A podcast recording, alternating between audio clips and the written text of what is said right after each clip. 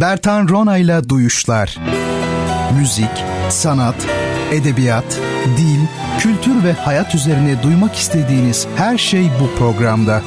Bertan Ronayla Duyuşlar her çarşamba saat 22'de Samsun'un Gerçek Radyosu'nda. Bertan Ronayla Duyuşlar başlıyor. Sevgili dinleyiciler, Radyo Gerçek'te Bertan Rona ile Duyuşlar programındasınız. Bendeniz Duyuşlar programını her hafta sizler için hazırlayıp sunan Bertan Rona. Efendim, programımı her çarşamba gecesi 22 ve 23 saatleri arasında dinleyebilirsiniz. Programda müzik, sanat, edebiyat, dil, kültür ve hayata dair bazen felsefi içerikli, renkli bir sohbet gerçekleştirmeye çalışıyoruz. Bu gece de onu deneyeceğiz efendim ya da en azından ben öyle umuyorum. Ee, belirttiğim gibi her çarşamba saat 22'de naklen ve her pazar saat 21'de banttan olmak kaydıyla Radyo Gerçek'te Bertan Rona ile duyuşları dinleyebilirsiniz. Soru, öneri ve eleştirileriniz için Twitter hesabım adım ve soyadımdan oluşmakta. Yani Bertan Rona şeklinde. Buradan bana ulaşmamız mümkün efendim. Sevgili dinleyicilerim, her hafta olduğu gibi e, bu hafta da sizlere bir kitap hediyemiz olacak. E, bu geceki programımızın herhangi bir anında neresinde olduğunu söylemiyorum. Kısa ve açık bir soru soracağım sizlere ve bu sorunun cevabını Bertan Rona Twitter adresine yazan ilk kişiye bildiğiniz üzere kitap hediye edeceğiz. Geçen hafta e, sanırım artık kentlerden de söz edelim demiş ve e, Viyana üzerine biraz konuşmuştum. Hadi gelin şimdi biraz daha devam edelim.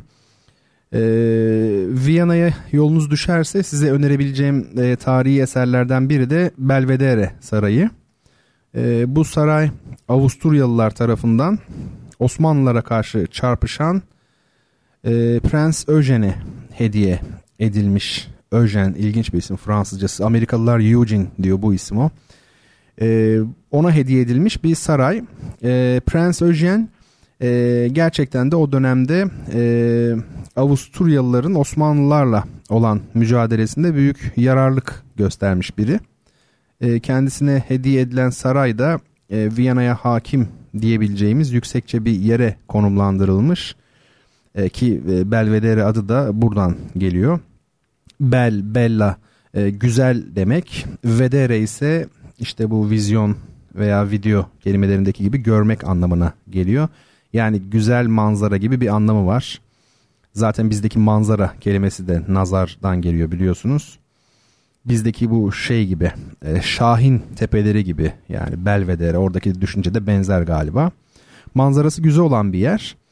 E, şimdi e, sarayın olduğu yerden merkezdeki Stefansdom katedralini e, daha doğrusu onun özellikle kulesini görebiliyorsunuz. E, sarayın arkasında olağanüstü bir bahçe var. E, ona da aşağı Belvedere e, diyorlar. Yani daha doğrusu sarayın bahçenin altındaki e, diğer küçük saraya.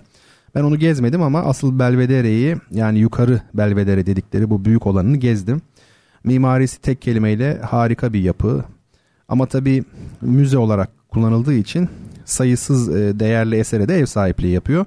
Bunlar arasında özellikle 1862-1918 tarihleri arasında yaşamış olan Avusturyalı ressam Gustav Klimt'in eserleri öne çıkmakta. Ee, Tabi bilhassa da ressamın Der Kuss yani Öpücük isimli ünlü tablosu. Ee, binayı gezerken tabloların önünde gayet tabii ki insanlar görüyorsunuz. Ama ilerideki uğultudan yani üst kattan gelen uğultudan Derkus'a yaklaştığınızı anlıyorsunuz. Çünkü fısıltı böyle uğultu her neyse bir alt kattan başlıyor neredeyse öyle diyebiliriz. Özellikle yaz mevsiminde giderseniz yoğunluktan ötürü Derkus'un önünde e, çok kalamıyorsunuz. Yani şöyle oturup tabloya bakabilmeniz için rahat tabureler yerleştirilmiş. Ama o kadar çok insan var ki e, oturup da dakikalarca tabloyu izleyerek e, böyle bekleyen insanlara saygısızlık etmek istemiyorsunuz. Onlarca insanın e, tabureye kısaca oturup bekleyenlere böyle yer vermesi ayakta seyredenlerin de e, tablonun önünü fazla işgal etmeyip böyle ardından gelenlere yer açması bu anlayış ve saygı gerçekten çok güzel.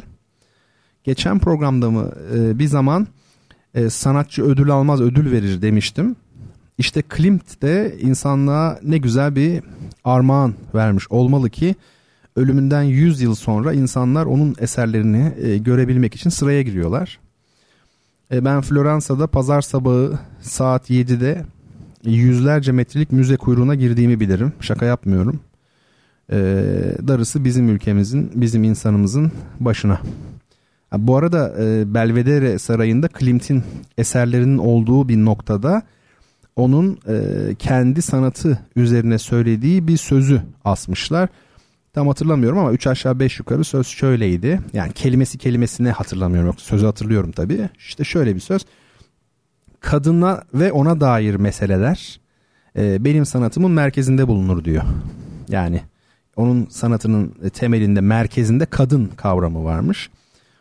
E, zaten Derkus'ta da yine bir kadın vardır o tabloda. E, Klimt'in Judith isimli çalışmasında da biliyorsunuz kadın var. E, Klimt'in Judith adlı iki çalışması var. Judith 1 ve Judith 2. E, yanlış hatırlamıyorsam Judith 1 de yine e, şeyde Belvedere'de. E, sevgili dinleyicilerim Viyana'ya e, giderseniz e, ne yapıp edin bir bilet alarak Viyana operasında yani Staatsoper'de güzel bir temsil izleyin derim. E, Viyana turistik bir şehir olduğu için genelde yaz aylarında bile temsiller olabiliyor. Normalde tabii ki sezon değildir yani yazın temsil olmaz ama Viyana tabii e, çok fazla insanın geldiği bir yer ve gelenler de Staatsoper'de temsil izlemek isteyebiliyorlar. O nedenle temsiller konuyor. Binanın etrafında bilet satan e, görevliler görürsünüz. Aman kara borsacı olmasın falan öyle bir şeyle karıştırılmasın diye e, resmi böyle kokartları da vardır.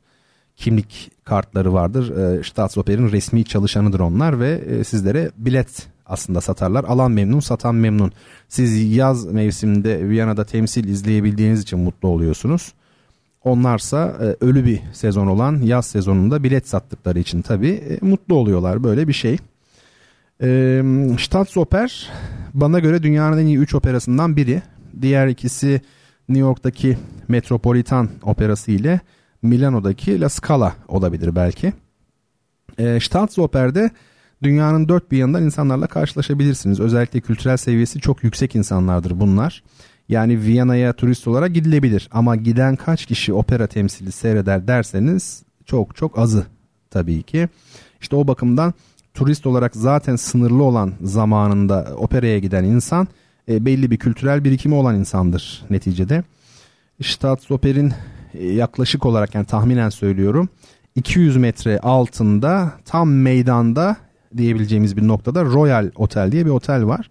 Orada e, Staatsoper'de temsil vermeye gelmiş dünyaca ünlü şarkıcıların bıraktığı izi görebilirsiniz. O otelin kahvaltı salonunda duvarlarda e, işte Pavarotti'den Domingo'ya, e, Sutherland'den e, Maria Callas'a dek 20. yüzyılın e, pek çok önemli şarkıcısının imzalı resimleri vardır. E, böyle çerçevelenip asılmış e, otel opera binasına bu kadar yakın olunca misafirleri de ona göre oluyor haliyle ve tabi otelin sahibi de e, zeki bir girişimci olarak kokuyu alıp gelen büyük şarkıcıların, ünlü kişilerin imzalı birer resimlerini çerçeveletip kahvaltı salonuna asıyor. Evet benim Viyana ile ilgili bu söylediklerim tabii kişisel birkaç izlenim sadece. Yoksa Viyana'yı böyle 5-10 dakikada anlatma gibi bir iddiam yok. böyle bir niyetim de yok. Olamaz zaten kimse yapamaz böyle bir şeyi. E, daha önce de söylemiştim. Sizler zaten kendiniz her türlü ayrıntıyı araştırırsınız. E, mesela bu Figaro House diye bir yer var. Onu söyleyeyim size aklıma gelmişken. Oraya sakın gitmeyin Figaro House'a.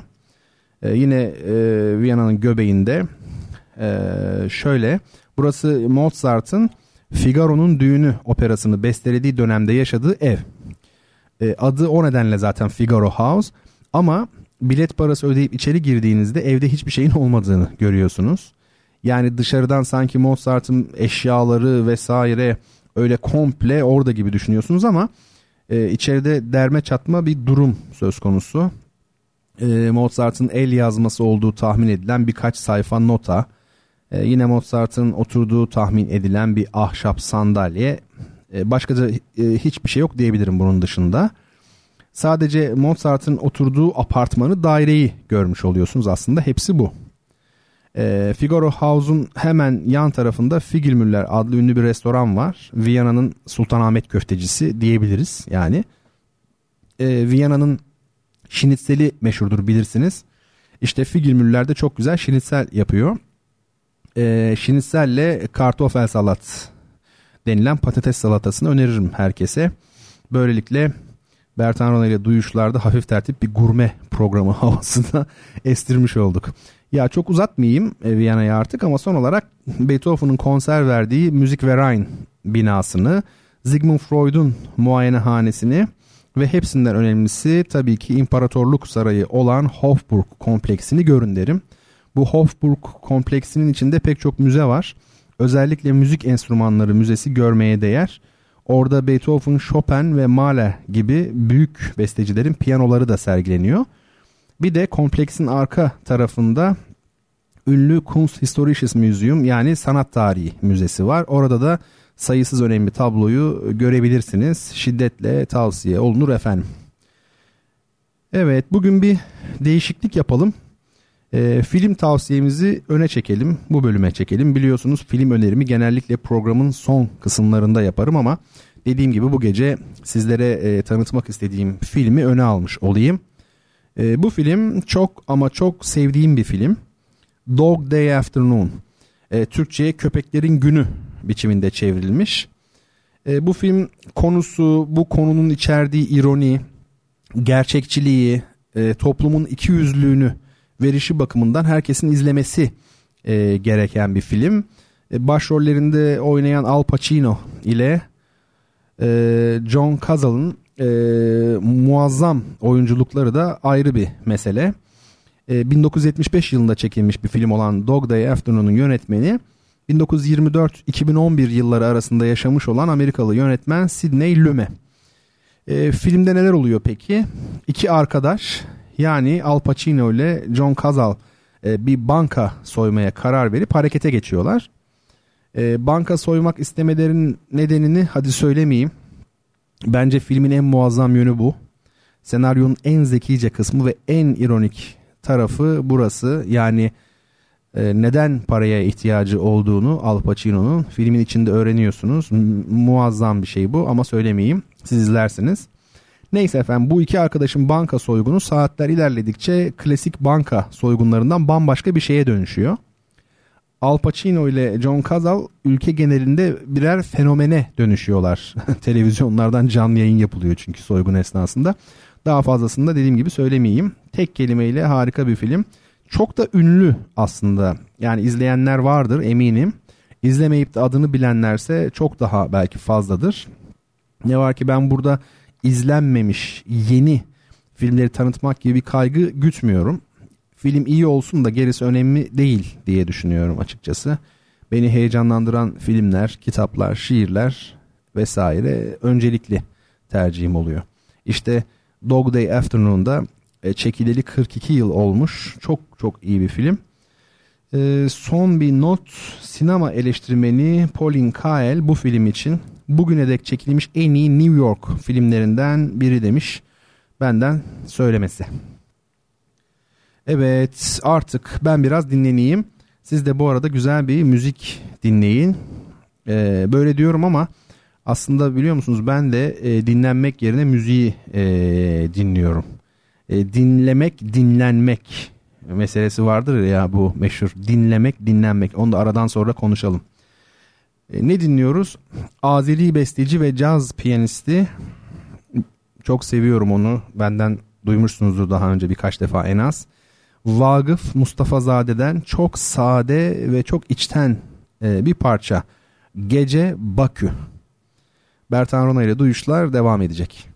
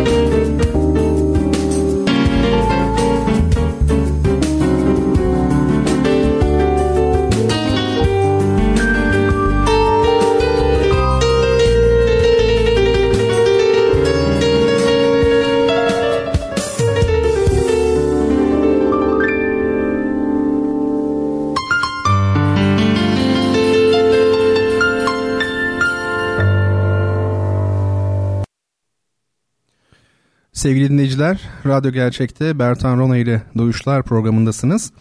Bu programda müzik, sanat, edebiyat, kültür, dil ve hayata dair konuşmaya, sohbet etmeye çalışıyoruz. Bir de kitap hediyemiz var. Birazdan soracağım soruyu Twitter üzerinden cevaplayan ilk dinleyicime bir kitap göndereceğim. Twitter hesabım Bertan Rona. Buradan doğru cevabı yazabilirsiniz ya da yazmak istediğiniz ne varsa onu yazabilir, düşüncenizi dile getirebilirsiniz. Eleştirmek, kızmak serbest. Ee, az önce dinlediğimiz parça son derece orijinal bir müzisyenin Azeri besteci ve caz piyanisti Vagıf Mustafazade'nin bir bestesiydi.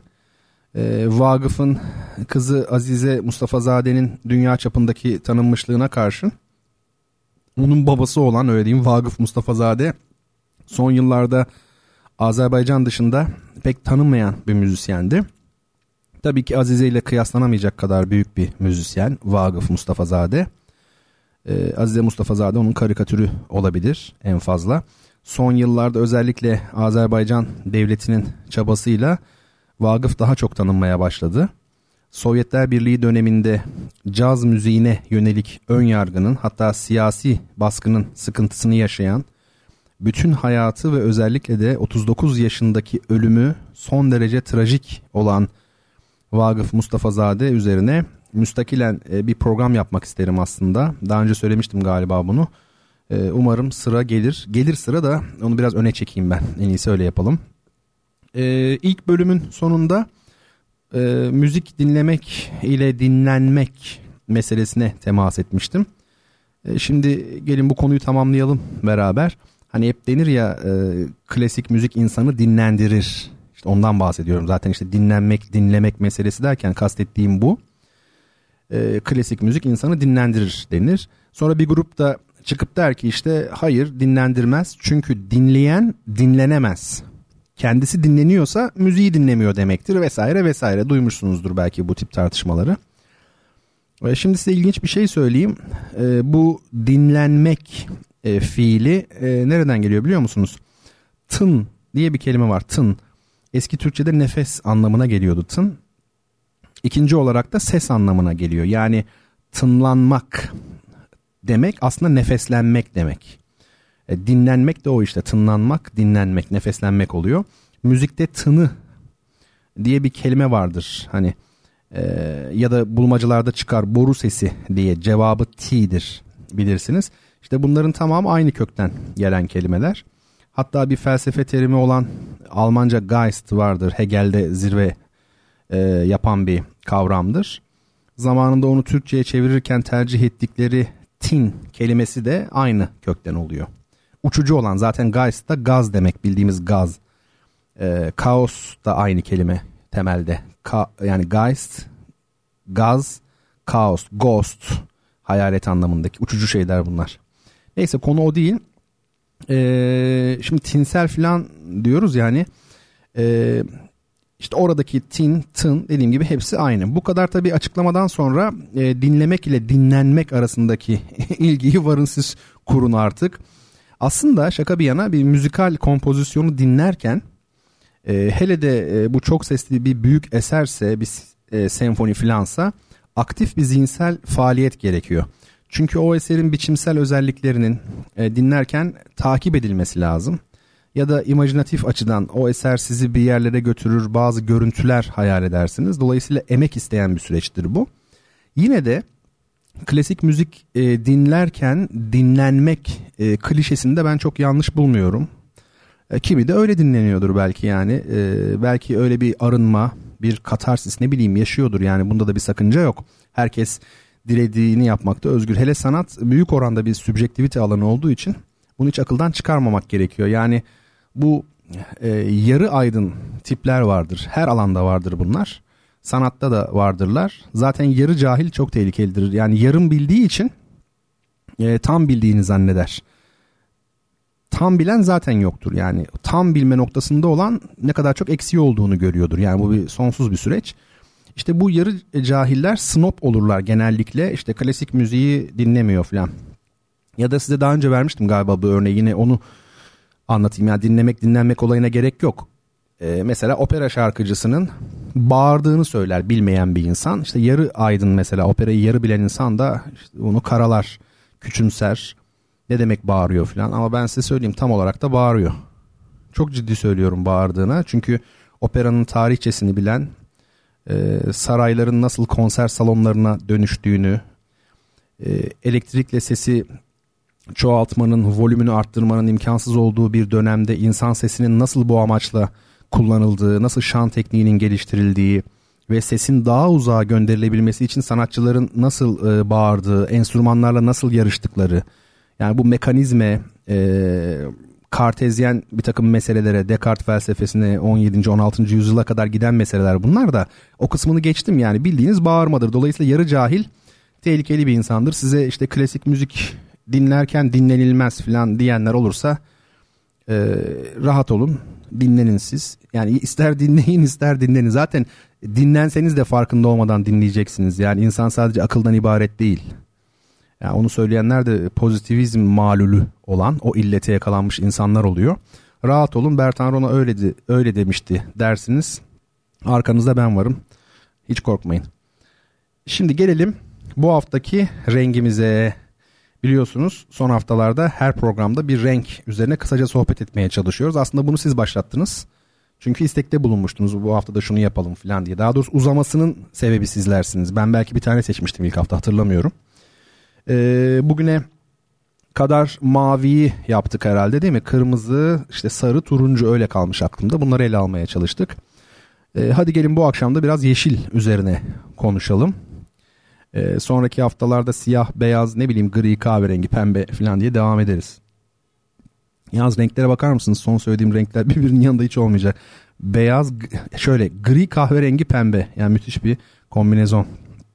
Şimdi yeşil deyince öncelikle e, kelimenin e, kökenine bakmak lazım. Her zaman, her zaman bakmak lazım. Yani ne ile ilgili konuşuyorsanız mutlaka onun kökenine bakacaksınız ama amaç onun kökenine bakmak değil. E, amaç onun altında yatanları anlayabilmek. Çünkü size fikir verecek. E, bu önemli. Hep söylüyorum bunu sık sık. Yoksa bir oyuna döner zaten bu iş. Anlamı da olmaz. E, yeşil eski Türkçe kökenli bir kelime. Aslı yaşıl. Yani yaş kökünden türetilmiş. Yaş olan demek. E, neden böyle olmuş? Sanırım son derece açık. E, çünkü ıslak olan, nemli olan, sulanmış olan yani yaş olan yeşil olur. Kuru olan ise sarıdır. Ne bileyim buna benzer bir renktedir ama yeşil değildir. Bu yeşil olmadığı kesin. Yaşlı kelimesi de e, daha doğrusu bu yaşamak fiili de bunlarla bağlantılı. Demek yeşil renk üzerine söylememiz gereken ilk şey bu rengin hayatı sembolize ettiği. İşte demek ki etimolojik bir e, yani etimoloji derken etimoloji çok ciddi bir bilim tabii yani o biz bizi aşar. Ama bir sözlüğe bakarsınız mesela etimoloji sözlüğüne. Aa yeşil buradan geliyormuş yaştan ve bakın doğrudan yaşam gibi bir e, şeye ulaştık, sonuca ulaştık. İşte bu açıdan kıymetli.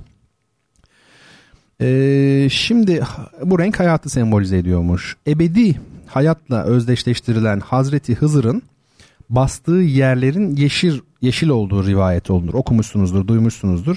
E, size çarpıcı bir şey söyleyeyim. Hazreti Hızır'ın adı da tam olarak yeşil demektir aslında. E, Arapçada el hadr yeşil anlamına geliyor.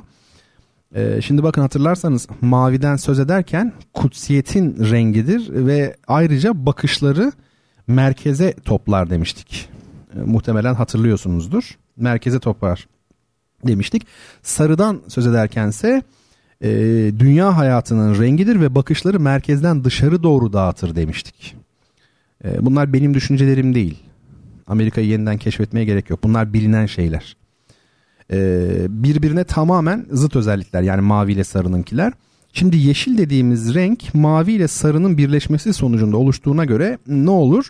Birbirini dengeler. Yani bakışlar hareketten ve gerilimden e, kurtulur. Yani birisi içeri doğru birisi dışarı doğru birleştirdik bir o zaman nötralize oluyorlar.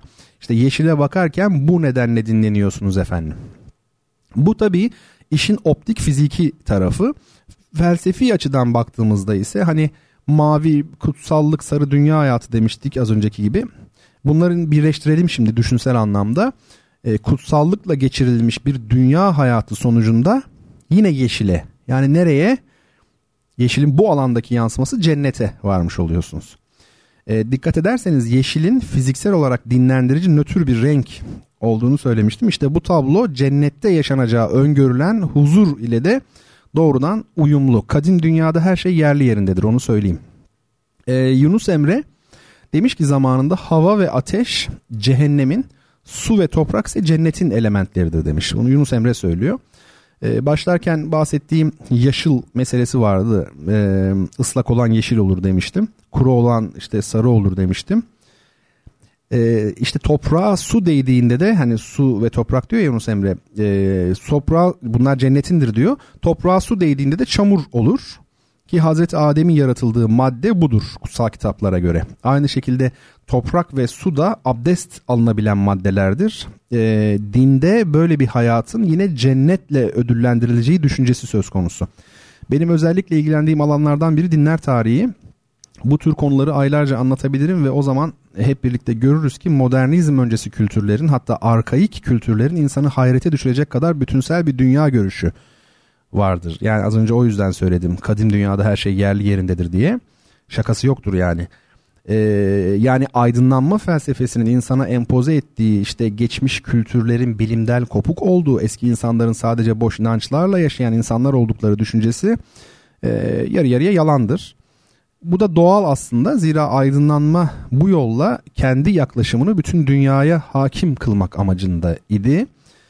Ee, neyse şimdi aydınlanmayı bırakalım biz devam edelim. Ee, hatırlarsanız kırmızı için hayatın rengi demiştik. Ee, Tabi tanımlamak da bir anlamda öldürmek Spinoza'nın dediği gibi ama meramımızı da dile getirmemiz lazım. Ee, kırmızı hayatın rengi ama yeşil de hayatın rengi. Aradaki fark nedir? Kırmızı dünya hayatının yeşil ise sonsuz hayatın rengi olarak tanımlanmış, algılanmış ya da inşa edilmiş biraz postmodern e, jargonla konuşmak gerekirse inşa kavramı ya da icat çok moda. E, dediğim gibi kırmızı dünya hayatının yeşil sonsuz hayatın rengi. Nitekim yeşilde ölüm yok.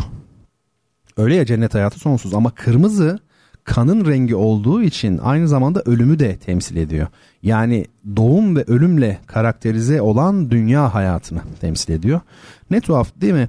E, renk körleri bakın yeşille kırmızıyı birbirine karıştırırlar. Bu nasıl bir akrabalık yani çok ilginç. E, ben bazen ürkerim böyle düşündükçe ne kadar bütünsel bir tablo. Yani yeşil için cennet derken mavi ile sarının birleşmesi dedik. İşte mavi ile sarı ana renk ama yeşil değil. Yani cennet insana hazır verilmemiş oluyor, emek gerektiriyor. Bazı çalışmalara, kaçınmalara tabi. Yani perhize tabi. Yani bu tablonun bütünselliği bunların yani renklerin fiziksel özellikleriyle uyuması e, son derece ilginç. Adeta e, modern bilim felsefesinden önce biliyorsunuz determinizm dediğimiz şey amaçlılık olarak algılanmaktaydı. Yani amaçlılık o ama modern bilim felsefesi nedenselliğin amaçlılık demek olmadığını yani mesela kedilerin fareyi yemek için yaratılmadığını e, söyledi. Ama şu tabloya baktığında insan inanası geliyor amaçlılığa yani o kadar uyumlu bir e, tablo ki e, hakikaten enteresan. Yani dediğim gibi bu işte emek vererek cennete ulaşma yani e, perhiz yapma ki bu kelime de geçen gün yazdım bunu perhizle paradise Paradise dedikleri de Firdevs'tir zaten. Arapçası Firdevs. Yani P yerine Arapçada P yok meşhur biliyorsunuz. Ee, şimdi Paradise ile Perhiz ikisi de kaçınma demek. Tabi İslam ilahiyatında bu takva olarak adlandırılır. Alman mistik Meister Eckhart'ta ise Abgeschiedenheit diye bir kavram var. Abgeschiedenheit düzgün okuyayım. Abgeschiedenheit evet. Yani Almanca biliyorsunuz çok uzun kelimeler olabiliyor. Gerçi Fransızca gibi değil okunması genellikle basittir Almancanın ama bu Meister Eckhart'ın önemli kavramlarından biri. Bu da kaçınma demek. E, takva ile neredeyse aynı ama analojiye de düşmeyelim. Çok sonuçta bambaşka yönleri de var ama e, temel itibariyle aynı. Ya kaçınma demek. Neyse tabii programı dinler tarih dersine çevirmenin de lüzumu yok. Burada keseceğim ama sonuç e, benim söylediğim gibi. E, birkaç şey daha ekleyeyim. Yeşille mavinin birbirinden farklı renkler olduklarını söylerken şöyle bir durup düşünün derim. Zira temelde e, aynı özdendir bunlar. Aynı şeyin iki varyantıdır belki. Bu adam ne diyor diye düşünüyorsanız türkuaz denilen renge bir daha bakın derim. Yani türkuaza bakın yeşille mavinin aslında aynı renk olduğunu çok net bir şekilde e, şey yaparsınız anlarsınız. Ee, bir de haki renk vardır bilirsiniz. Sarı ile yeşilin karışımı gibidir. Sarıya çalan bir yeşildir. Haki çok enteresan bir renk. Ee, hayatı sembolize eden yeşille ölümü ifade eden sarının bir karışımı. Daha çok 40 yaşa uygun gibi ya da en azından bana öyle geliyor. Ee, neden 40 yaş? Çünkü 40 yaş için e, gençliğin yaşlılığı, yaşlılığın gençliği derler. Olgunluk ve peygamberlik yaşıdır 40. Bakın dikkat edin. İlginçtir. Çile kelimesi var ya hani işte o kelime de aslen 40 anlamına gelen Farsça çihil kelimesinden geliyor. Ayrıca bu bebeklerin veya vefat edenlerin 40'ı çıkar bilirsiniz o var. Dolayısıyla 40 çok önemli bir sayı ve dedim ya nedense hakiyi çağrıştırmıştır her zaman bana. Yani cennete, sonsuz hayata yakın ama hala dünya hayatının içinde bir insan tablosu. Ee, size yeşille ilgili son bir sözüm olacak. Bugün kentlerimize baktığımızda neredeyse yegane yeşil alanın mezarlıklar olduğunu görüyoruz. Ve ben diyorum ki e, bunu bir aforizm olarak söylemiştim daha önce de. Bir ülkede şehirlerdeki tek yeşil alan mezarlıklar ise o ülkenin medeniyeti ölü demektir. Bu sözde tarihe not düşülsün. Çünkü hakikaten bakıyorsunuz İstanbul'da ben Şişli'de oturdum. Epeyce bir zaman. Şişli tabii bir beton yığınıdır. Yani ben Şişli'yi çok sevdim o ayrı da. E, beton yığını gibidir. Orada yeşil alanlar inanın e, sadece aşağı yukarı mezarlıklardır. Yani şeyi söylemiyorum sadece o zincirli kuyu falan demiyorum. Yani Şişli'nin daha e, merkezi yerlerinde Taksim'e yakın bölgelerinde de genelde küçük mezarlıklar vardır. Böyle kilise mezarlıkları vardır. Bazı camilerde olabilir işte. Yani tek yeşil alan bunlar tamamen bir beton e, yığını. E, hakikaten bu düşündürücü yani tek yeşil alan bunlarsa işte adı üzerinde mezarlık diyoruz değil mi? O zaman gerçekten o medeniyet biraz ölü demektir. Efendim dediğim gibi renkler üzerine spekülasyonların sonu gelmez. Ee, burada siz sevgili dinleyicilerime özellikle şunu söylemek isterim ki kavramlarla düşünmek işte buna benzeyen bir şey. Milletimizin buna ben çok ihtiyacı olduğunu düşünüyorum. Kavramlarla düşünmeye, gündelik olanı aşmaya. Yani yeşilli görebilirsiniz gündelik hayatta. Ee, kullanabilirsiniz, seversiniz. Pek çok şey olabilir yeşille ilgili ama e, üzerine ne düşündünüz acaba? Ne düşündük hep beraber? Nasıl bir kavramsallaştırmaya gidebildik? Bunlar önemli şeyler. E, milletimizin dediğim gibi buna ihtiyacı var. Tabii şu anki durumu e, sosyoekonomik vaziyeti e, düşünecek olursak insanlardan bunu beklemek tabii ki çok gerçekçi değil. Ben buna bir şey demiyorum ama yine de ne kadar çok insan felsefeye, sanata ilgi duyarsa kar addedilebilir. Bazen Twitter'da e, trending topics'e şöyle bir bakıyorum. İnanın içim kararıyor benim. Tam bir dehşet ve e, ne derler ona e, çılgınlık manzarası. E, birbirini asanlar, kesenler, kan, barut, savaş, nefret başka hiçbir şey yok. E, ben o konulardan anlamıyorum. Anlamak da istemiyorum. E, o nedenle de yaşasın sanat, edebiyat, felsefe, bilim, müzik diyorum. Şimdi Hikmet Şimşek vardı rahmetli. Bilirsiniz işte klasik müzik programları yapardı filan. Hikmet Şimşek Ankara Devlet Konservatuvarı'nda benim arkadaşlarım vardı, devre arkadaşlarım. Ben 9 Eylül'de onlar Hacettepe'de okudu kompozisyon bölümünde. Hikmet Şimşek elini kaldırıp sanata evet dermiş. Selamlaşması bu şekildeymiş. Biz o zaman dalga geçerdik Hikmet Şimşek'le falan. Bu ne saçmalık falan derdim. Ya ben yapay olan hiçbir şeyi sevmiyorum. Yani hayatın içinde olmalı her şey. Ne demek yani sanata evet falan. Amenna tamam. Yani sanata evet demeyelim ya elimizi kaldırıp ama hakikaten şimdi adama hak vermeye başladım. Ee, ne bileyim bu kan, barut böyle nefret, savaş, tehdit, bağırma, çağırma her tarafa hakim. Onların karşısında sanat, edebiyat, felsefe, bilim. Bakın ben size bir şey söyleyeyim. Sokakta mesela bir genç gördünüz diyelim. Bir gitar takmış sırtına öyle geliyor.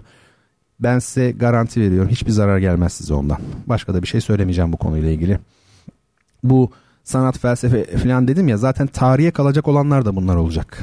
Ya gerisi yani o nefret, pislik, af buyurun, kan, savaş vesaire hiç hatırlanmayacak. Emin olabilirsiniz. E, ne tuhaf değil mi?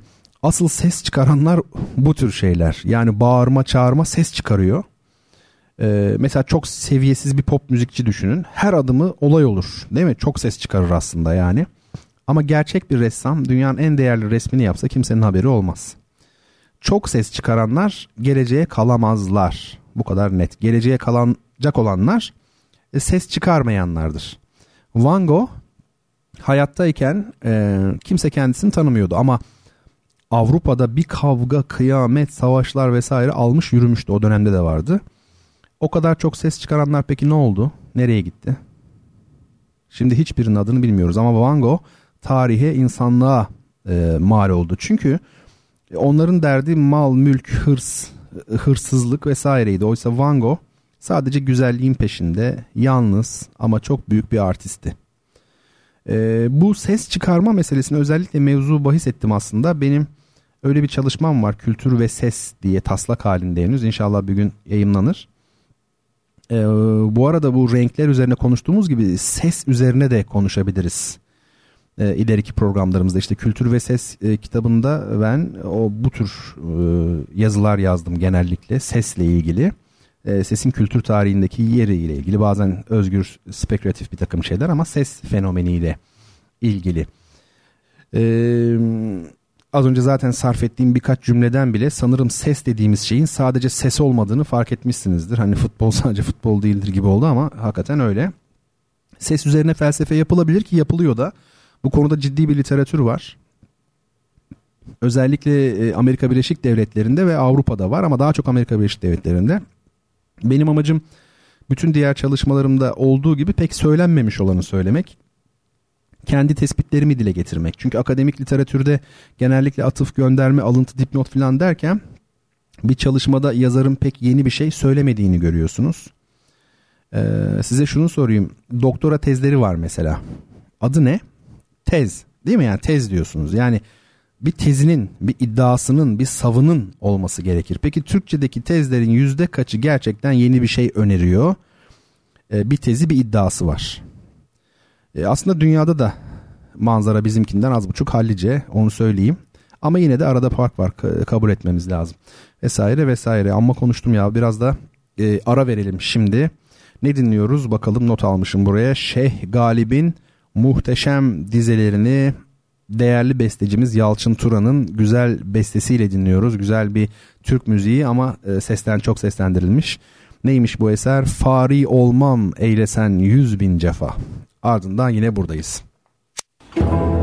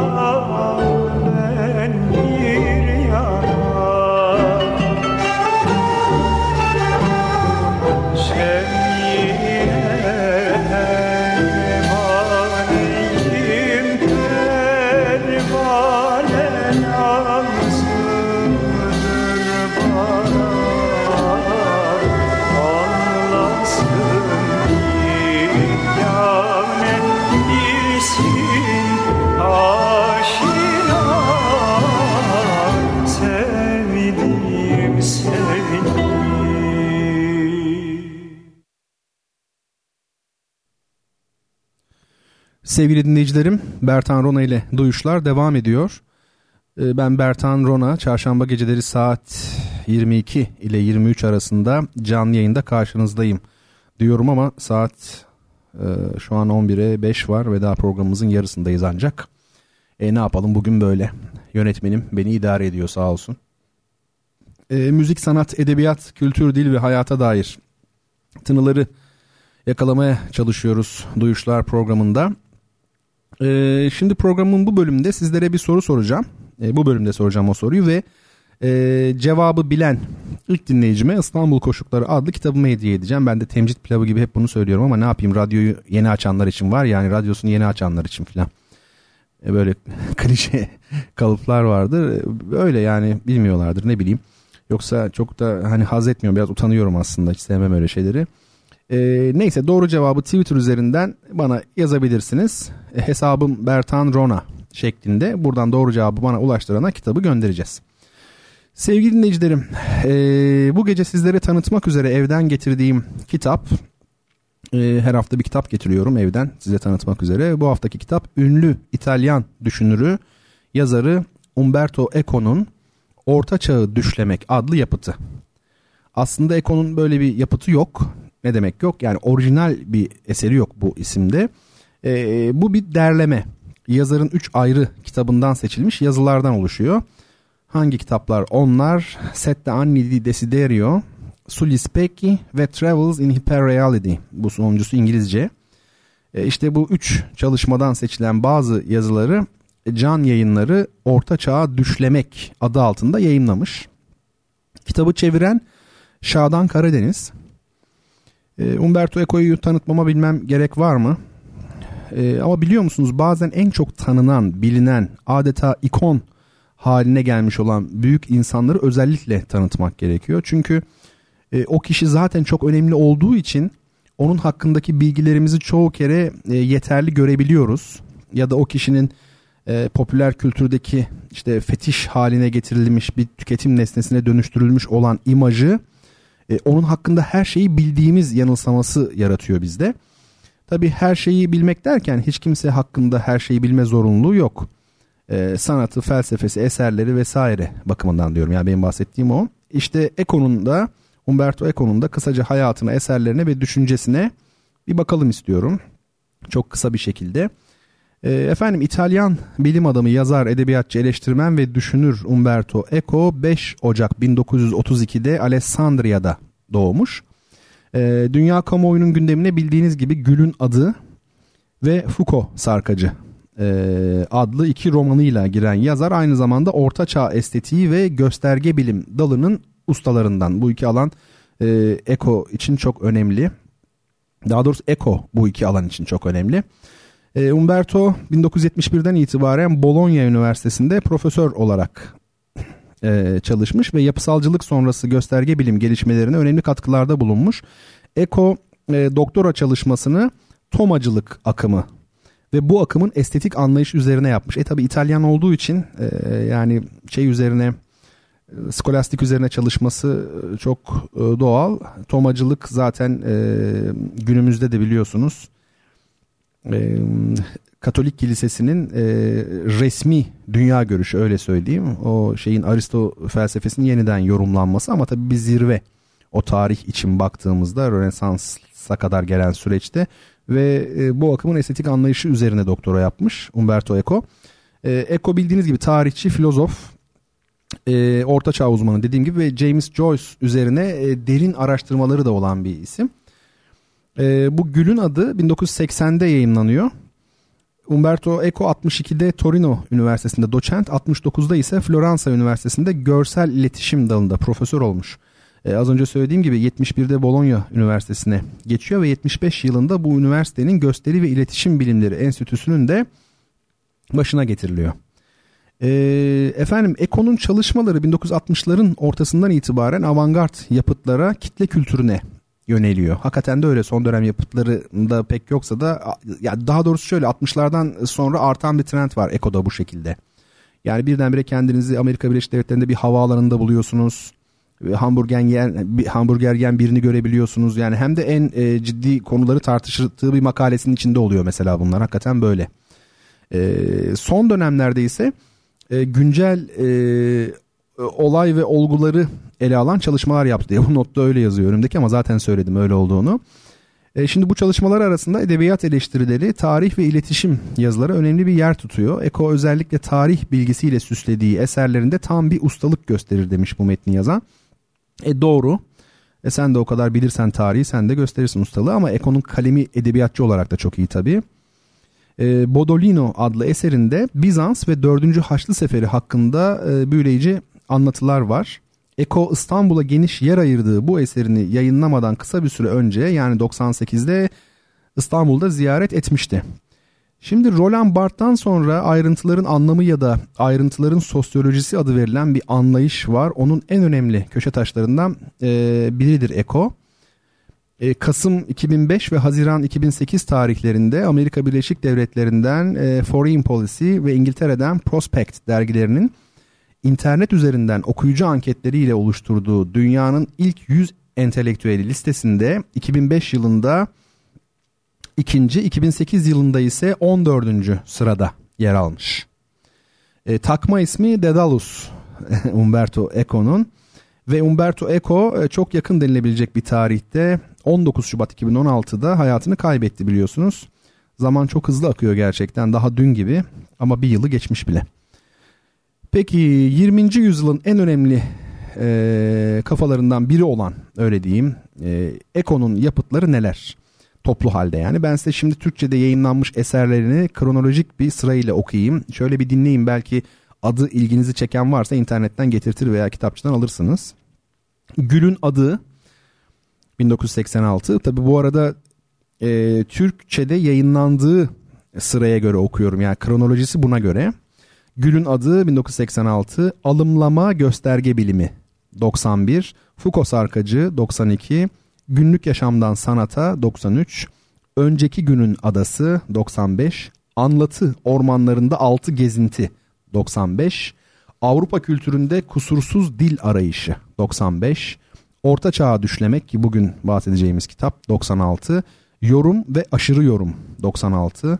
Somon balığıyla yolculuk 97. Yanlış okumalar 97.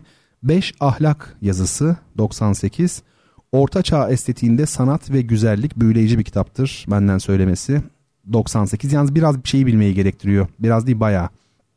Ee, yani dedim ya o skolastik dönem yani Orta Çağ Avrupa'sını ve özellikle İtalya'sını, e, Katolizmi çok iyi bilmek lazım. Orta Çağ estetiğinde sanat ve güzellik diyor. Daha doğrusu bu biraz sanat felsefecileri, estetik, sanat ontolojisi gibi alanlarda çalışan insanlar için uygun olabilir belki. E, açık yapıt bu da meşhur biliyorsunuz 2001. Zamanların sonu üstüne söyleşiler 2001. Bodolino 2003. İnanç ya da inançsızlık 2005. Kraliçe Loana'nın Gizemli Alevi 2005. Cecü'nün Yer Cüceleri 2006 tekerleme gibi ismi var kitabın. Güzelliğin Tarihi 2006, Çirkinliğin Tarihi 2009. Bunlar da oradan kültür tarihi disiplini içinde kitaplar bu son ikisi. Kitaplardan kurtulabileceğinizi sanmayın. Evet 2010. Prag Mezarlığı 2011, Sıfır Sayı 2015. Valla bunlardan çok azını okumuşum. Yani az derken 4, 4 tanesinde en fazla. Ee, ben de okusam iyi olacak e, bilim, felsefe, tarih ve edebiyatla dolu bir ömrün verimi olan onlarca değerli eser bırakarak ebediyete, ebediyete intikal etmek çok güzel bir şey tabii. Darısı herkesin başına. Ama tabii herkes bu konularla ilgilenecek diye bir şey yok. İsteyen hiçbir şeyle ilgilenmesin. Namuslu bir adam olsun. Kimseye zarar vermesin. Bu kafidir bence. Şimdi e, Orta Çağ Düşlemek kitabındaki yazıların başlıklarını okuyayım. Yani içindekiler kısmı 8 tane şeyi var bunun bölümü var. Ne anlatıyor yani bu kitap onu merak edenler için. 8 nereden çıktıysa daha fazlaymış. Birinci bölüm yüzün dili. İkinci bölüm olasıların karışımı ve ölümün yükümü. 3 gerçekçi yanılsama. 4 yazının kışkırtıcılıkları. 5 aynalar üstüne. 6 gülünç ile kural. 7 bir fotoğraf. 8 us bunalımının bunalımı üstüne. 9 orta çağa düşlemek. 10 orta çağı yaşamak. Evet Orta Çağ Düşlemek kitabı e, işte bu yazılardan oluşuyor. Eko biliyorsunuz e, Avrupa Orta Çağ'ını iyi bilen biri. Tabi bu kavram yani Orta Çağ ne ifade ediyor? Antik kültürün, felsefenin Hristiyanlık elbisesi giyerek kendini göstermesi mi sadece? Ya da adının başına sıklıkla getirilen karanlık sıfatını hangi anlamda hak ediyor ya da etmiyor? Bu sorular uzayıp gider. Eko'nun metinlerini inceledikçe bu konularda ne kadar umulmadık düşünceler ileri sürdüğünü ve bunu nasıl güzel bir anlatımla yaptığını insan anlıyor gerçekten. Şunu da belirteyim yeri gelmişken Orta Çağ Düşlemek kitabını oluşturan yazılar tabii çok ciddi bir birikimi. Orta Çağ Avrupası tarihini, e, temel felsefi kavramlara tam olarak vakıf olmayı gerektiren yazılar. Yani okurlar açısından söylüyorum bunu. Aksi takdirde bu kitaptan istifade etmek pek mümkün değil. Elimdeki baskı Can Yayınları'nın 97 yılında yaptığı ikinci baskı. Çevirmen ise Şadan Karadeniz ki biraz önce dile getirmiştim. Efendim bu ağır böyle çok havası çok ağır konudan sonra baya böyle korkuttum e, herhalde. Kendim de korktum yani şimdi. Neyse e, kitap hediyesi için soracağım soruya geçiyoruz şimdi bu konudan sonra. Ama e, daha önce sizlere bir şey anlatayım. Ee, geçen haftaki şu portakal, Portugal yani Portekiz bahsi bayağı ilgi çekti. Ee, hani portakal kelimesinin bizdeki Portugal, Portekiz demek olduğunu söylemiştim. Şimdi tam da ona benzeyen bence daha da ilginç olan bir kavramsal kayma örneği vereyim size. Ee, hindi dediğimiz hayvan, kuş neyse Türkiye'ye ilk defa Hindistan'dan gelmiş. Ve bu nedenle de adı Türkçe'ye Hindi olarak geçmiş. Yani asıl olan Hindistan ülkesi. Oradan kuş geldiği için Hindi e, denilmiş. Ama daha da ilginç olan şey e, Hindi'nin Amerika'ya da Türkiye üzerinden gitmesi. E, ve bu nedenle Amerikalıların Hindi'ye Turkey demeleri. Yani ilginç değil mi? E, Türkiye'nin adı Turkey. Yani burada da orijinal yine Türkiye'nin ismi Turkey. Amerika'ya da Türkiye üzerinden gittiği için onlar da Turkey demişler Hindi'ye. İlginç. Ama benim hep söylediğim e, bir şey vardır. Hani etimolojiyle ilgili derim ya etimoloji bizi düşündürmeli, tarihi ve felsefi çözümlemeler yapmaya itmelidir diye. İşte şimdi bakın bu Hindi Turkey meselesinde benim aklıma gelen bir şey var. Amerikalıların, İngilizlerin bizlere zaman zaman Turkey yani Hindi diyerek e, bizlerle dalga geçtiğini e, televizyonda filan sosyal medyada işte her neyse görüp işitiriz. Ama ne ilginçtir ki Hintlilere yani Hindistanlılara, Hintlilere Hindi demek, Hindi demek yani bildiğimiz kuş olarak yani Hindi demek bizim aklımıza hiç geçmez. Oysa ki Turkey İngilizlerin dilinde nasıl Hindi demekse Hindistan'da Türkçe'de doğrudan Hindi ile bağlantılı. Hatta Hindi birebir aynı durum diyebiliriz. Ee, bunun nedeni bence çok açık.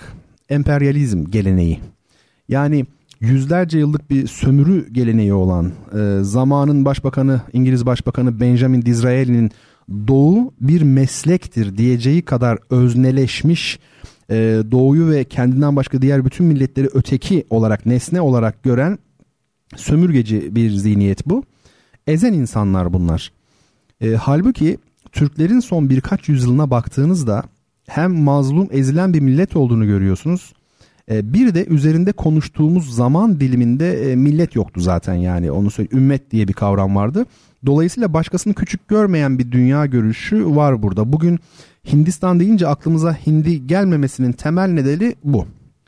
E, fakat burada şunu da belirteyim hani bizde ırkçılık yoktur falan gibi sözler günümüzde Türkiye'de çok fazla böyle birazcık şımarıkça kendinden emin olarak sarf ediliyor. Valla ben o kadar emin değilim. Yani biz e, pek çok değerimizle övünürken aslında o değerlerin bugün yaşamadığını görmüyoruz. Yani ırkçı değilmişiz. Valla sen onu benim külahıma anlat. E, ve biz e, övünmekle meşgulken kendi o değerlerimiz sahip olduğumuzu hala sahip olduğumuzu düşündüğümüz o değerlerle övünmekle meşgulken o değerler iyice kayıp gidiyor elimizden. Ee, mesele e, diyelim ki yani senin e, Evliya Çelebi ile övünmen değil. O seninle övünür müydü acaba yaşasaydı? Mesele bu. Zaten sen kimsin ki Evliya Çelebi ile övünüyorsun? Yani biraz köşeli konuşuyorum ama gerçek bu. Yani e, babaların çocuklarıyla övünmesi daha isabetlidir aslında. Ee, değil mi yani? O bakımdan sen kim oluyorsun da Evliya Çelebi övünüyorsun? Yap bir uzay mekiği. Hep söylüyorum bunu. Yap bir uzay mekiği. Ay'a, Mars'a gönder. Üzerine de Evliya Çelebi yaz. İşte o vakit Evliya Çelebi'ye layık olursun. Bu kadar basit. Tabii Evliya Çelebi bir misal. Mesele bu övünme hadisesi. Bakın ben size çok ilginç bir şey söyleyeyim. İnsanların övündükleri kişilere, olaylara vesaire şöyle bir bakın. Aslında ben onun gibiyim demeye çalıştıklarını göreceksiniz. Yani övündüğü o kavram üzerinden aslında kendi içindeki boşluğu dolduruyor ve etrafına da o yönde bir mesaj vermiş oluyor. İnsan psikolojisiyle bu toplum psikolojisi e, hakikaten çok enteresan. Nietzsche'nin sözü var ya meşhur delilik diyor. Delilik e, bireylerde çok nadir olsa da diyor toplumlarda neredeyse şeydir yani hakimdir, kuraldır diyor yani. Çok ilginç. Evet bu bahsi de burada kapatalım. Ve artık kitap hediyemiz için soracağımız soruya gelelim. Programın en heyecanlı kısmı mı burası acaba? Ee, başladığımızdan beri kabak tadı verecek şekilde anons ettiğim gibi sorunun cevabını bilen ve Twitter üzerinden bize ulaştıran kişiye İstanbul Koşukları adlı kitabımı imzalı olarak takdim edeceğim. Bu imza meselesi de çok komik gelmiştir bana. Ne imzalıyorsun? Hep böyle düşündüm uzun zaman. Yani çünkü kitabın içinde senin duyguların var. Yani yaşa edebiyat e, hayattır. Yani o var onun içinde. Acıların var belki bilmem ne var şu var bu var. O acılarını imzalayıp mesela veriyorsun. Derdini imzalıyorsun. E, so, yani sonradan ama şunu gördüm. E, müzik ile uğraşmaya başladıktan sonra şimdi ben orkestra şefi olarak temsil yönetmiş bir insanım. E, konser yönetmiş bir insanım. Koro şefi olarak zaten çok yönettim filan. Ee, bizim meslekte alkış var. Sahneye çıkıyorsun, alkışlanıyorsun falan. Elinde bir baget var, çubuk sallıyorsun falan. Şimdi yazarın garibim hiçbir şeyi yok. Ne yapsın yani? O, o da ne yapıyor? İşte şey yapıyorlar. Ne derler onun adına? Ee, imza günü yapılıyor. İmza günü. E, sonradan baktım ya evet onlar da onu yapıyor demek ki bir de adet olmuş falan imza imza alıyorsun. E, kişiye bir hatıra oluyor ona özel olarak imzalanmış oluyor falan. İmza mazi biliyorsunuz değil mi aynı kelime aslında imza mazi bazı şeyler mazi olduğu an üzerine imza atıyorsun. Zaten e, şair özellikle şairler e, yazdıklarına yabancılaşırlar.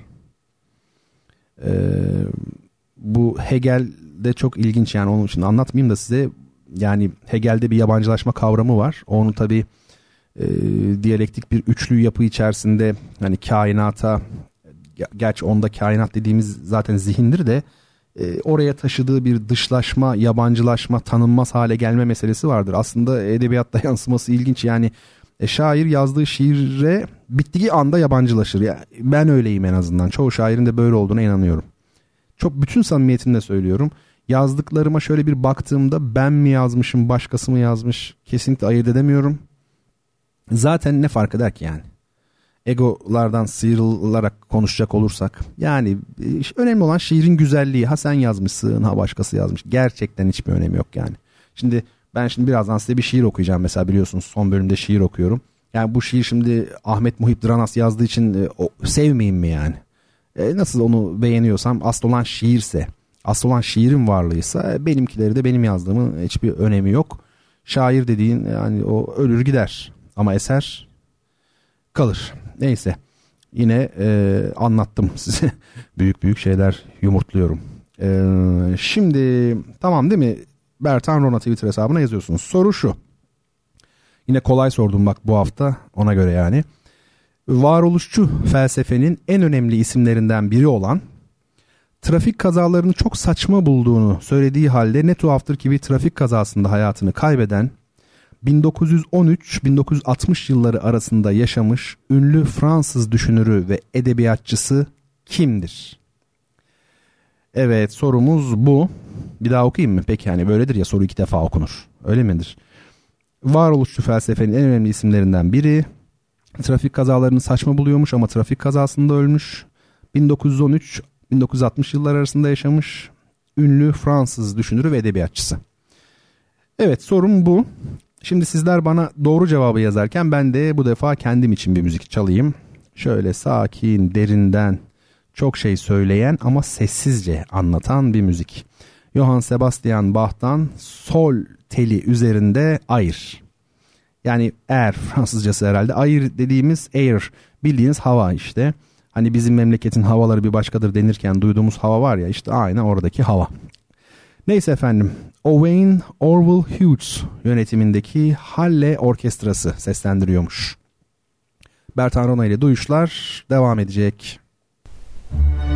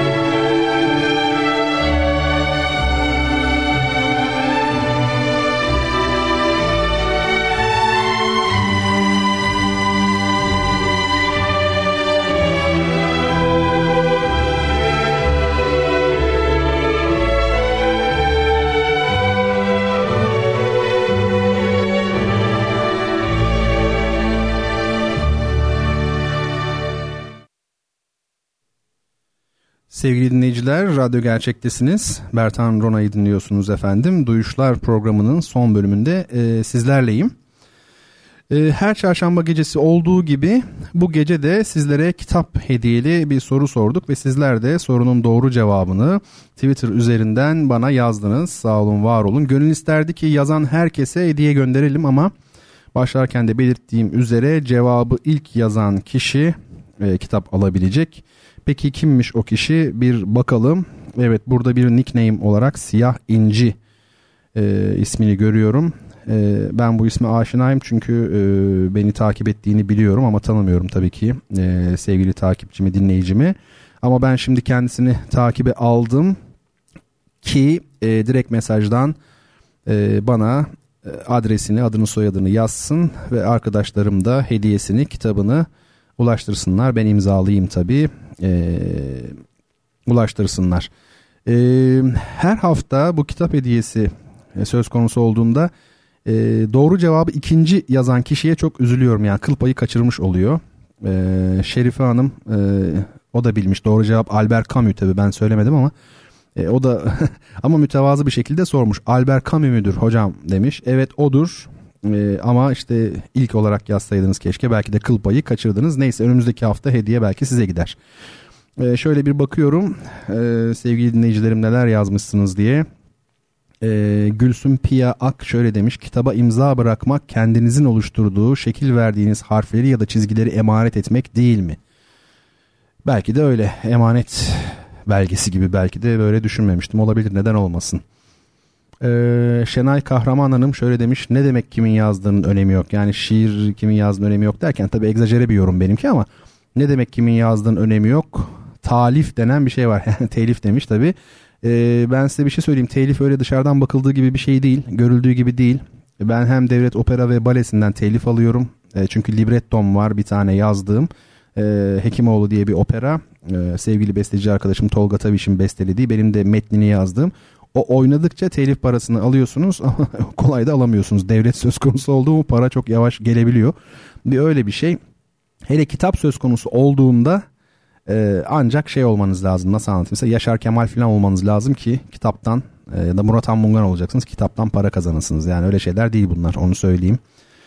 E, başka bakalım kim ne yazmış şöyle. Ben de artık böyle şey oldum ne derler. Programa iyice alışmış gibi elimde telefon rahat bir şekilde bakıyorum e, Habertürk kanalında program yapan Murat Bardakçı'ya döndüm. Allah korusun gerçi. o da ayrı bir şey.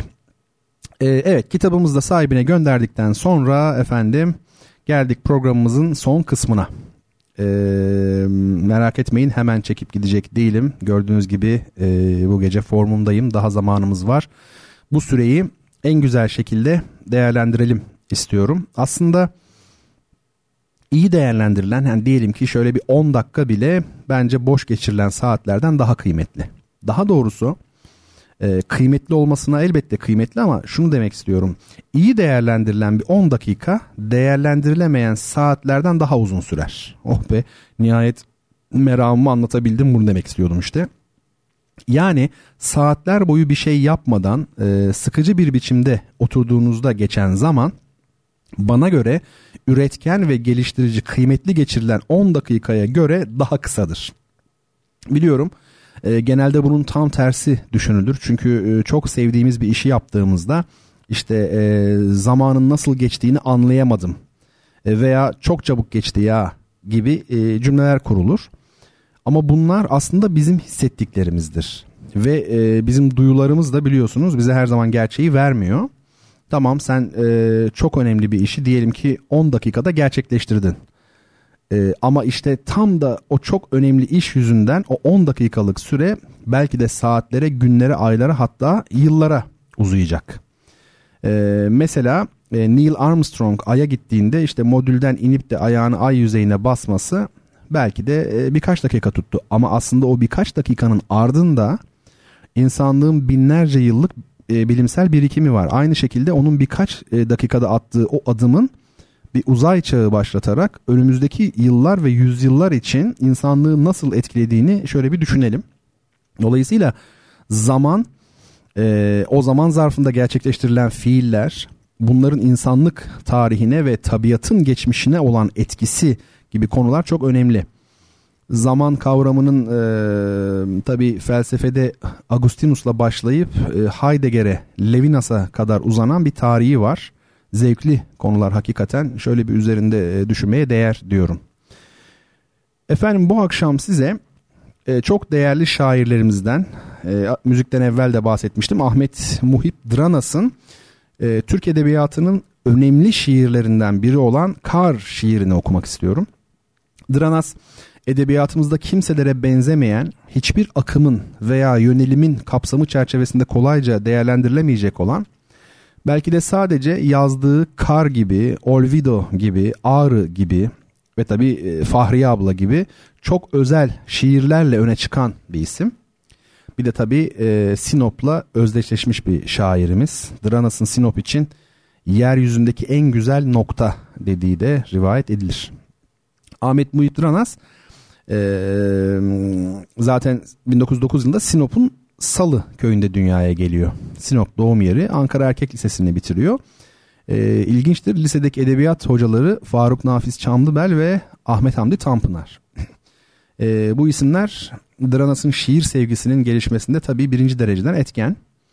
Dranas Ankara Erkek Lisesi'ni bitirdikten sonra 1930-35 yılları arasında Hakimiyeti Milliye gazetesinde çalışıyor.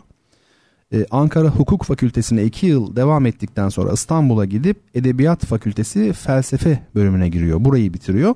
Güzel Sanatlar Akademisi'nde kütüphane müdürlüğü yapıyor ee, ve Dolmabahçe Resim ve Heykel Müzesi'nde müdür yardımcılığı görevinde bulunuyor.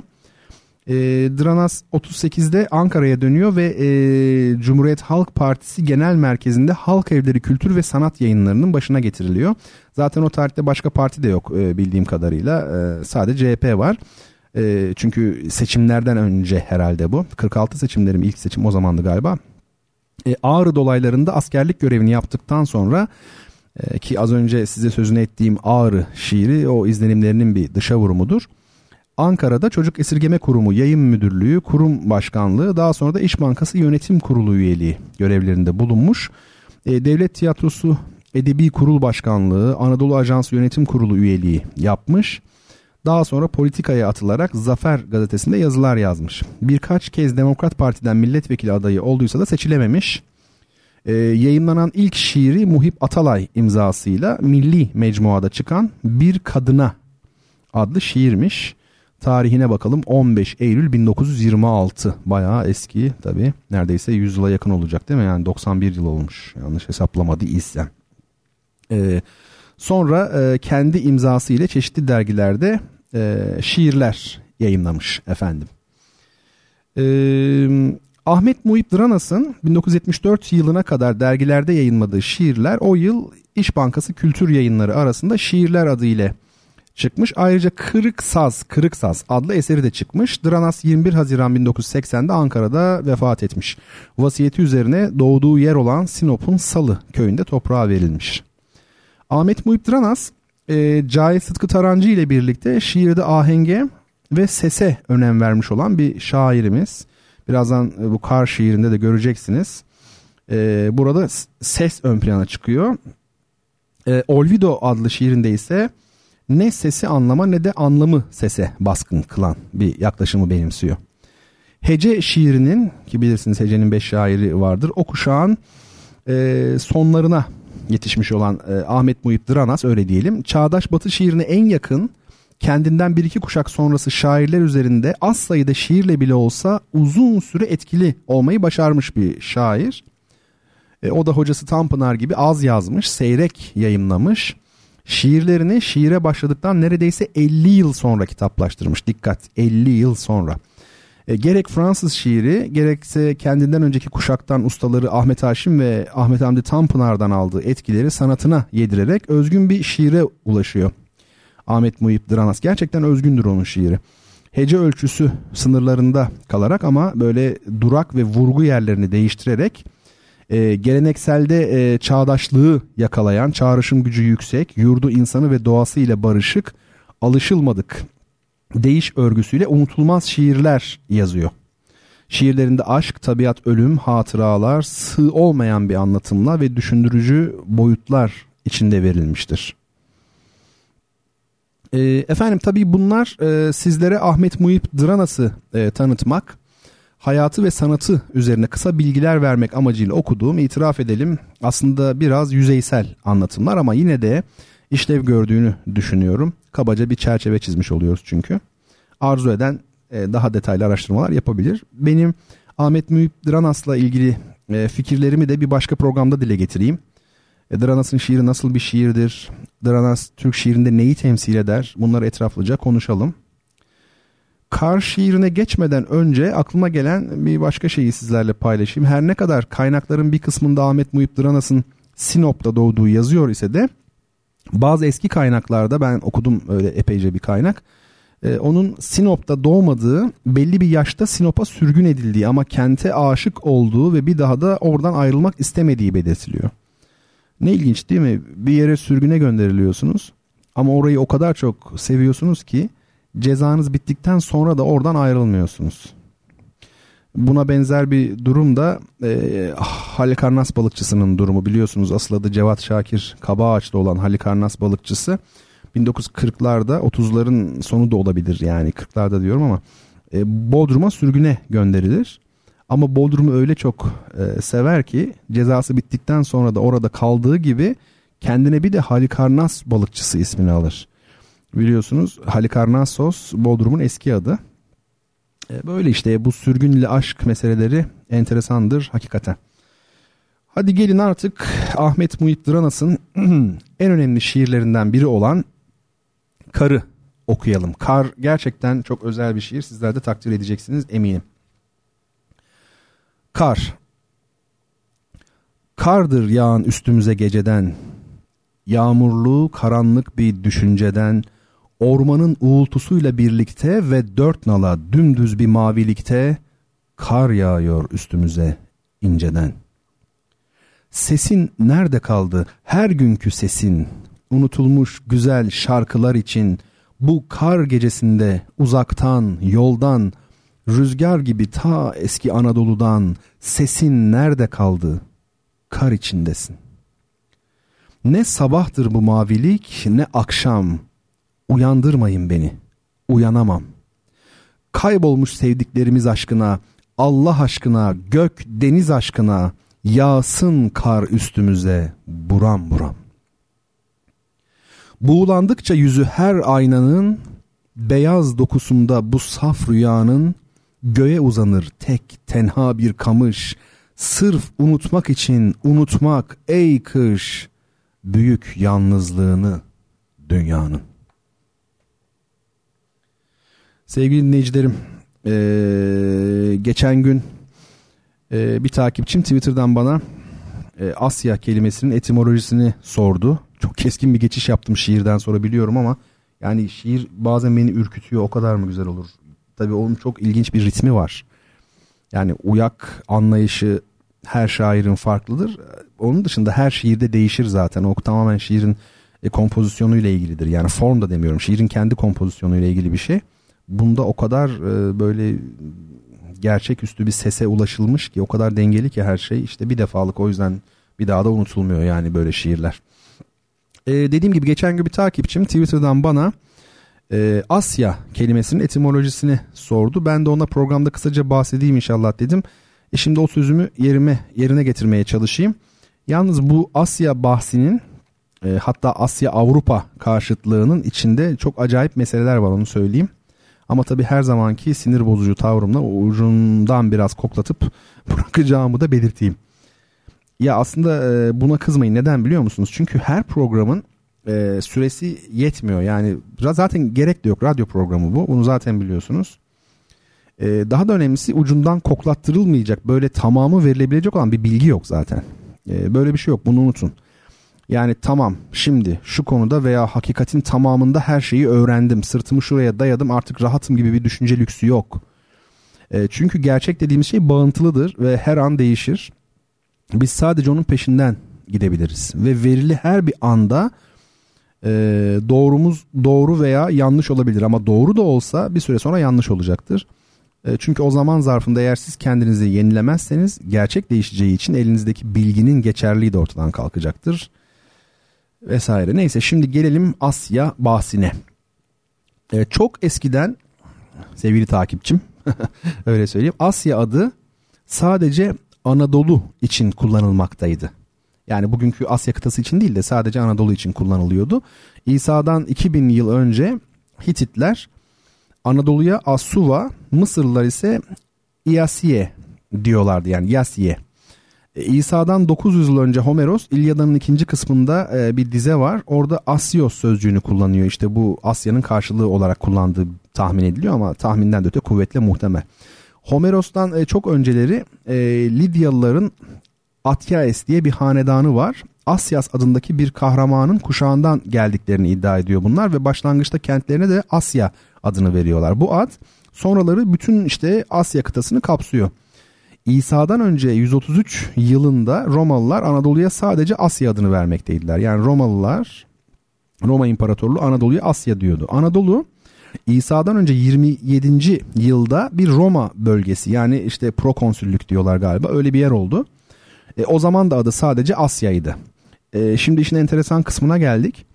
Babil ve Asur anıtlarında güneşin doğduğu yeri ifade eden Asu e, e, ve battığı yeri ifade eden Erep sözcüklerine rastlıyoruz. Bir daha söyleyeyim. Babil ve Asur anıtlarında güneşin doğduğu yere Asu, battığı yere de Erep deniyor. İşte Asu Asya oluyor zamanla. Erep de Avrupa'ya dönüşmüş. E, bu durumda Erep'ten kaynaklanan Avrupa ve Arap kelimeleri akraba olmuş oluyor. Çünkü Arap da oradan geliyor muhtemelen. Burada bir ikili karşı olum var. E, Akatça'da çünkü Asu demek doğmak demek. Yani e, Asya genel olarak güneşin doğduğu yer. Avrupa ise güneşin battığı yer demektir. E, Almanca bilenler ne demek istediğim daha rahat anlarlar. Çünkü bildiğim kadarıyla var Almanca'da da bunların karşılıkları. E, bu Arapçadaki GRB mastarı kökü bunu anlatıyor.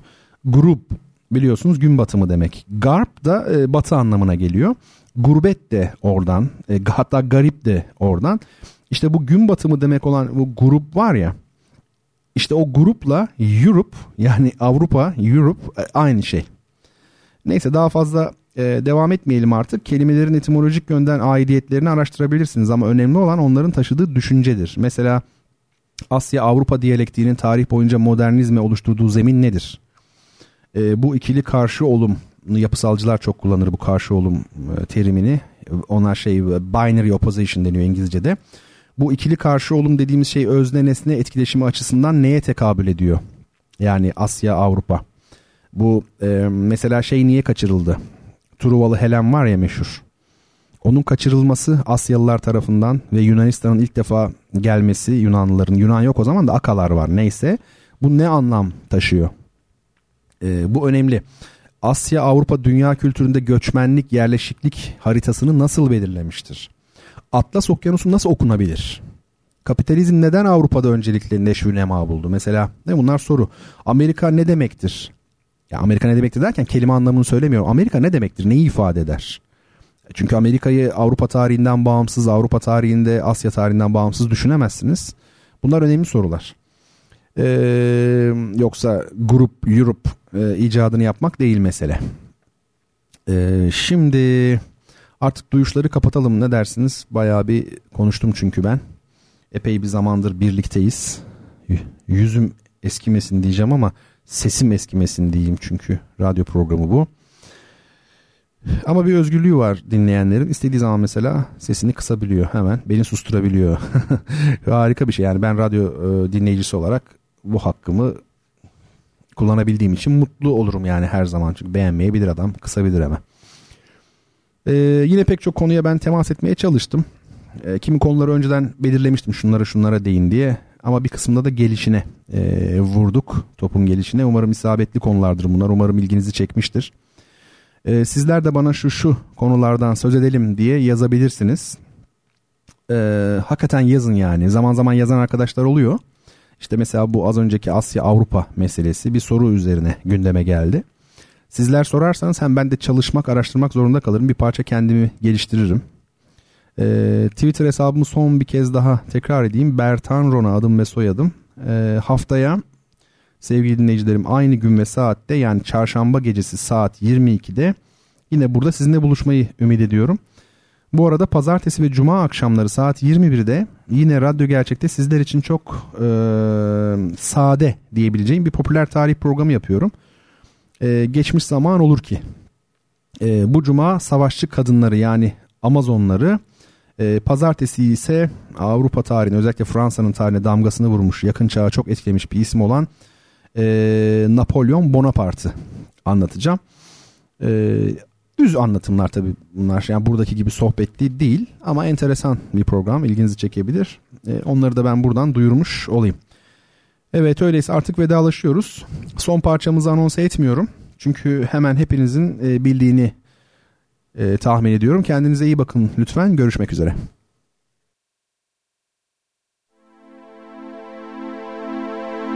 Sometimes I feel I'm gonna break down and cry. Nowhere to go, nothing to do with my time. I get lonely, so lonely, living on my own.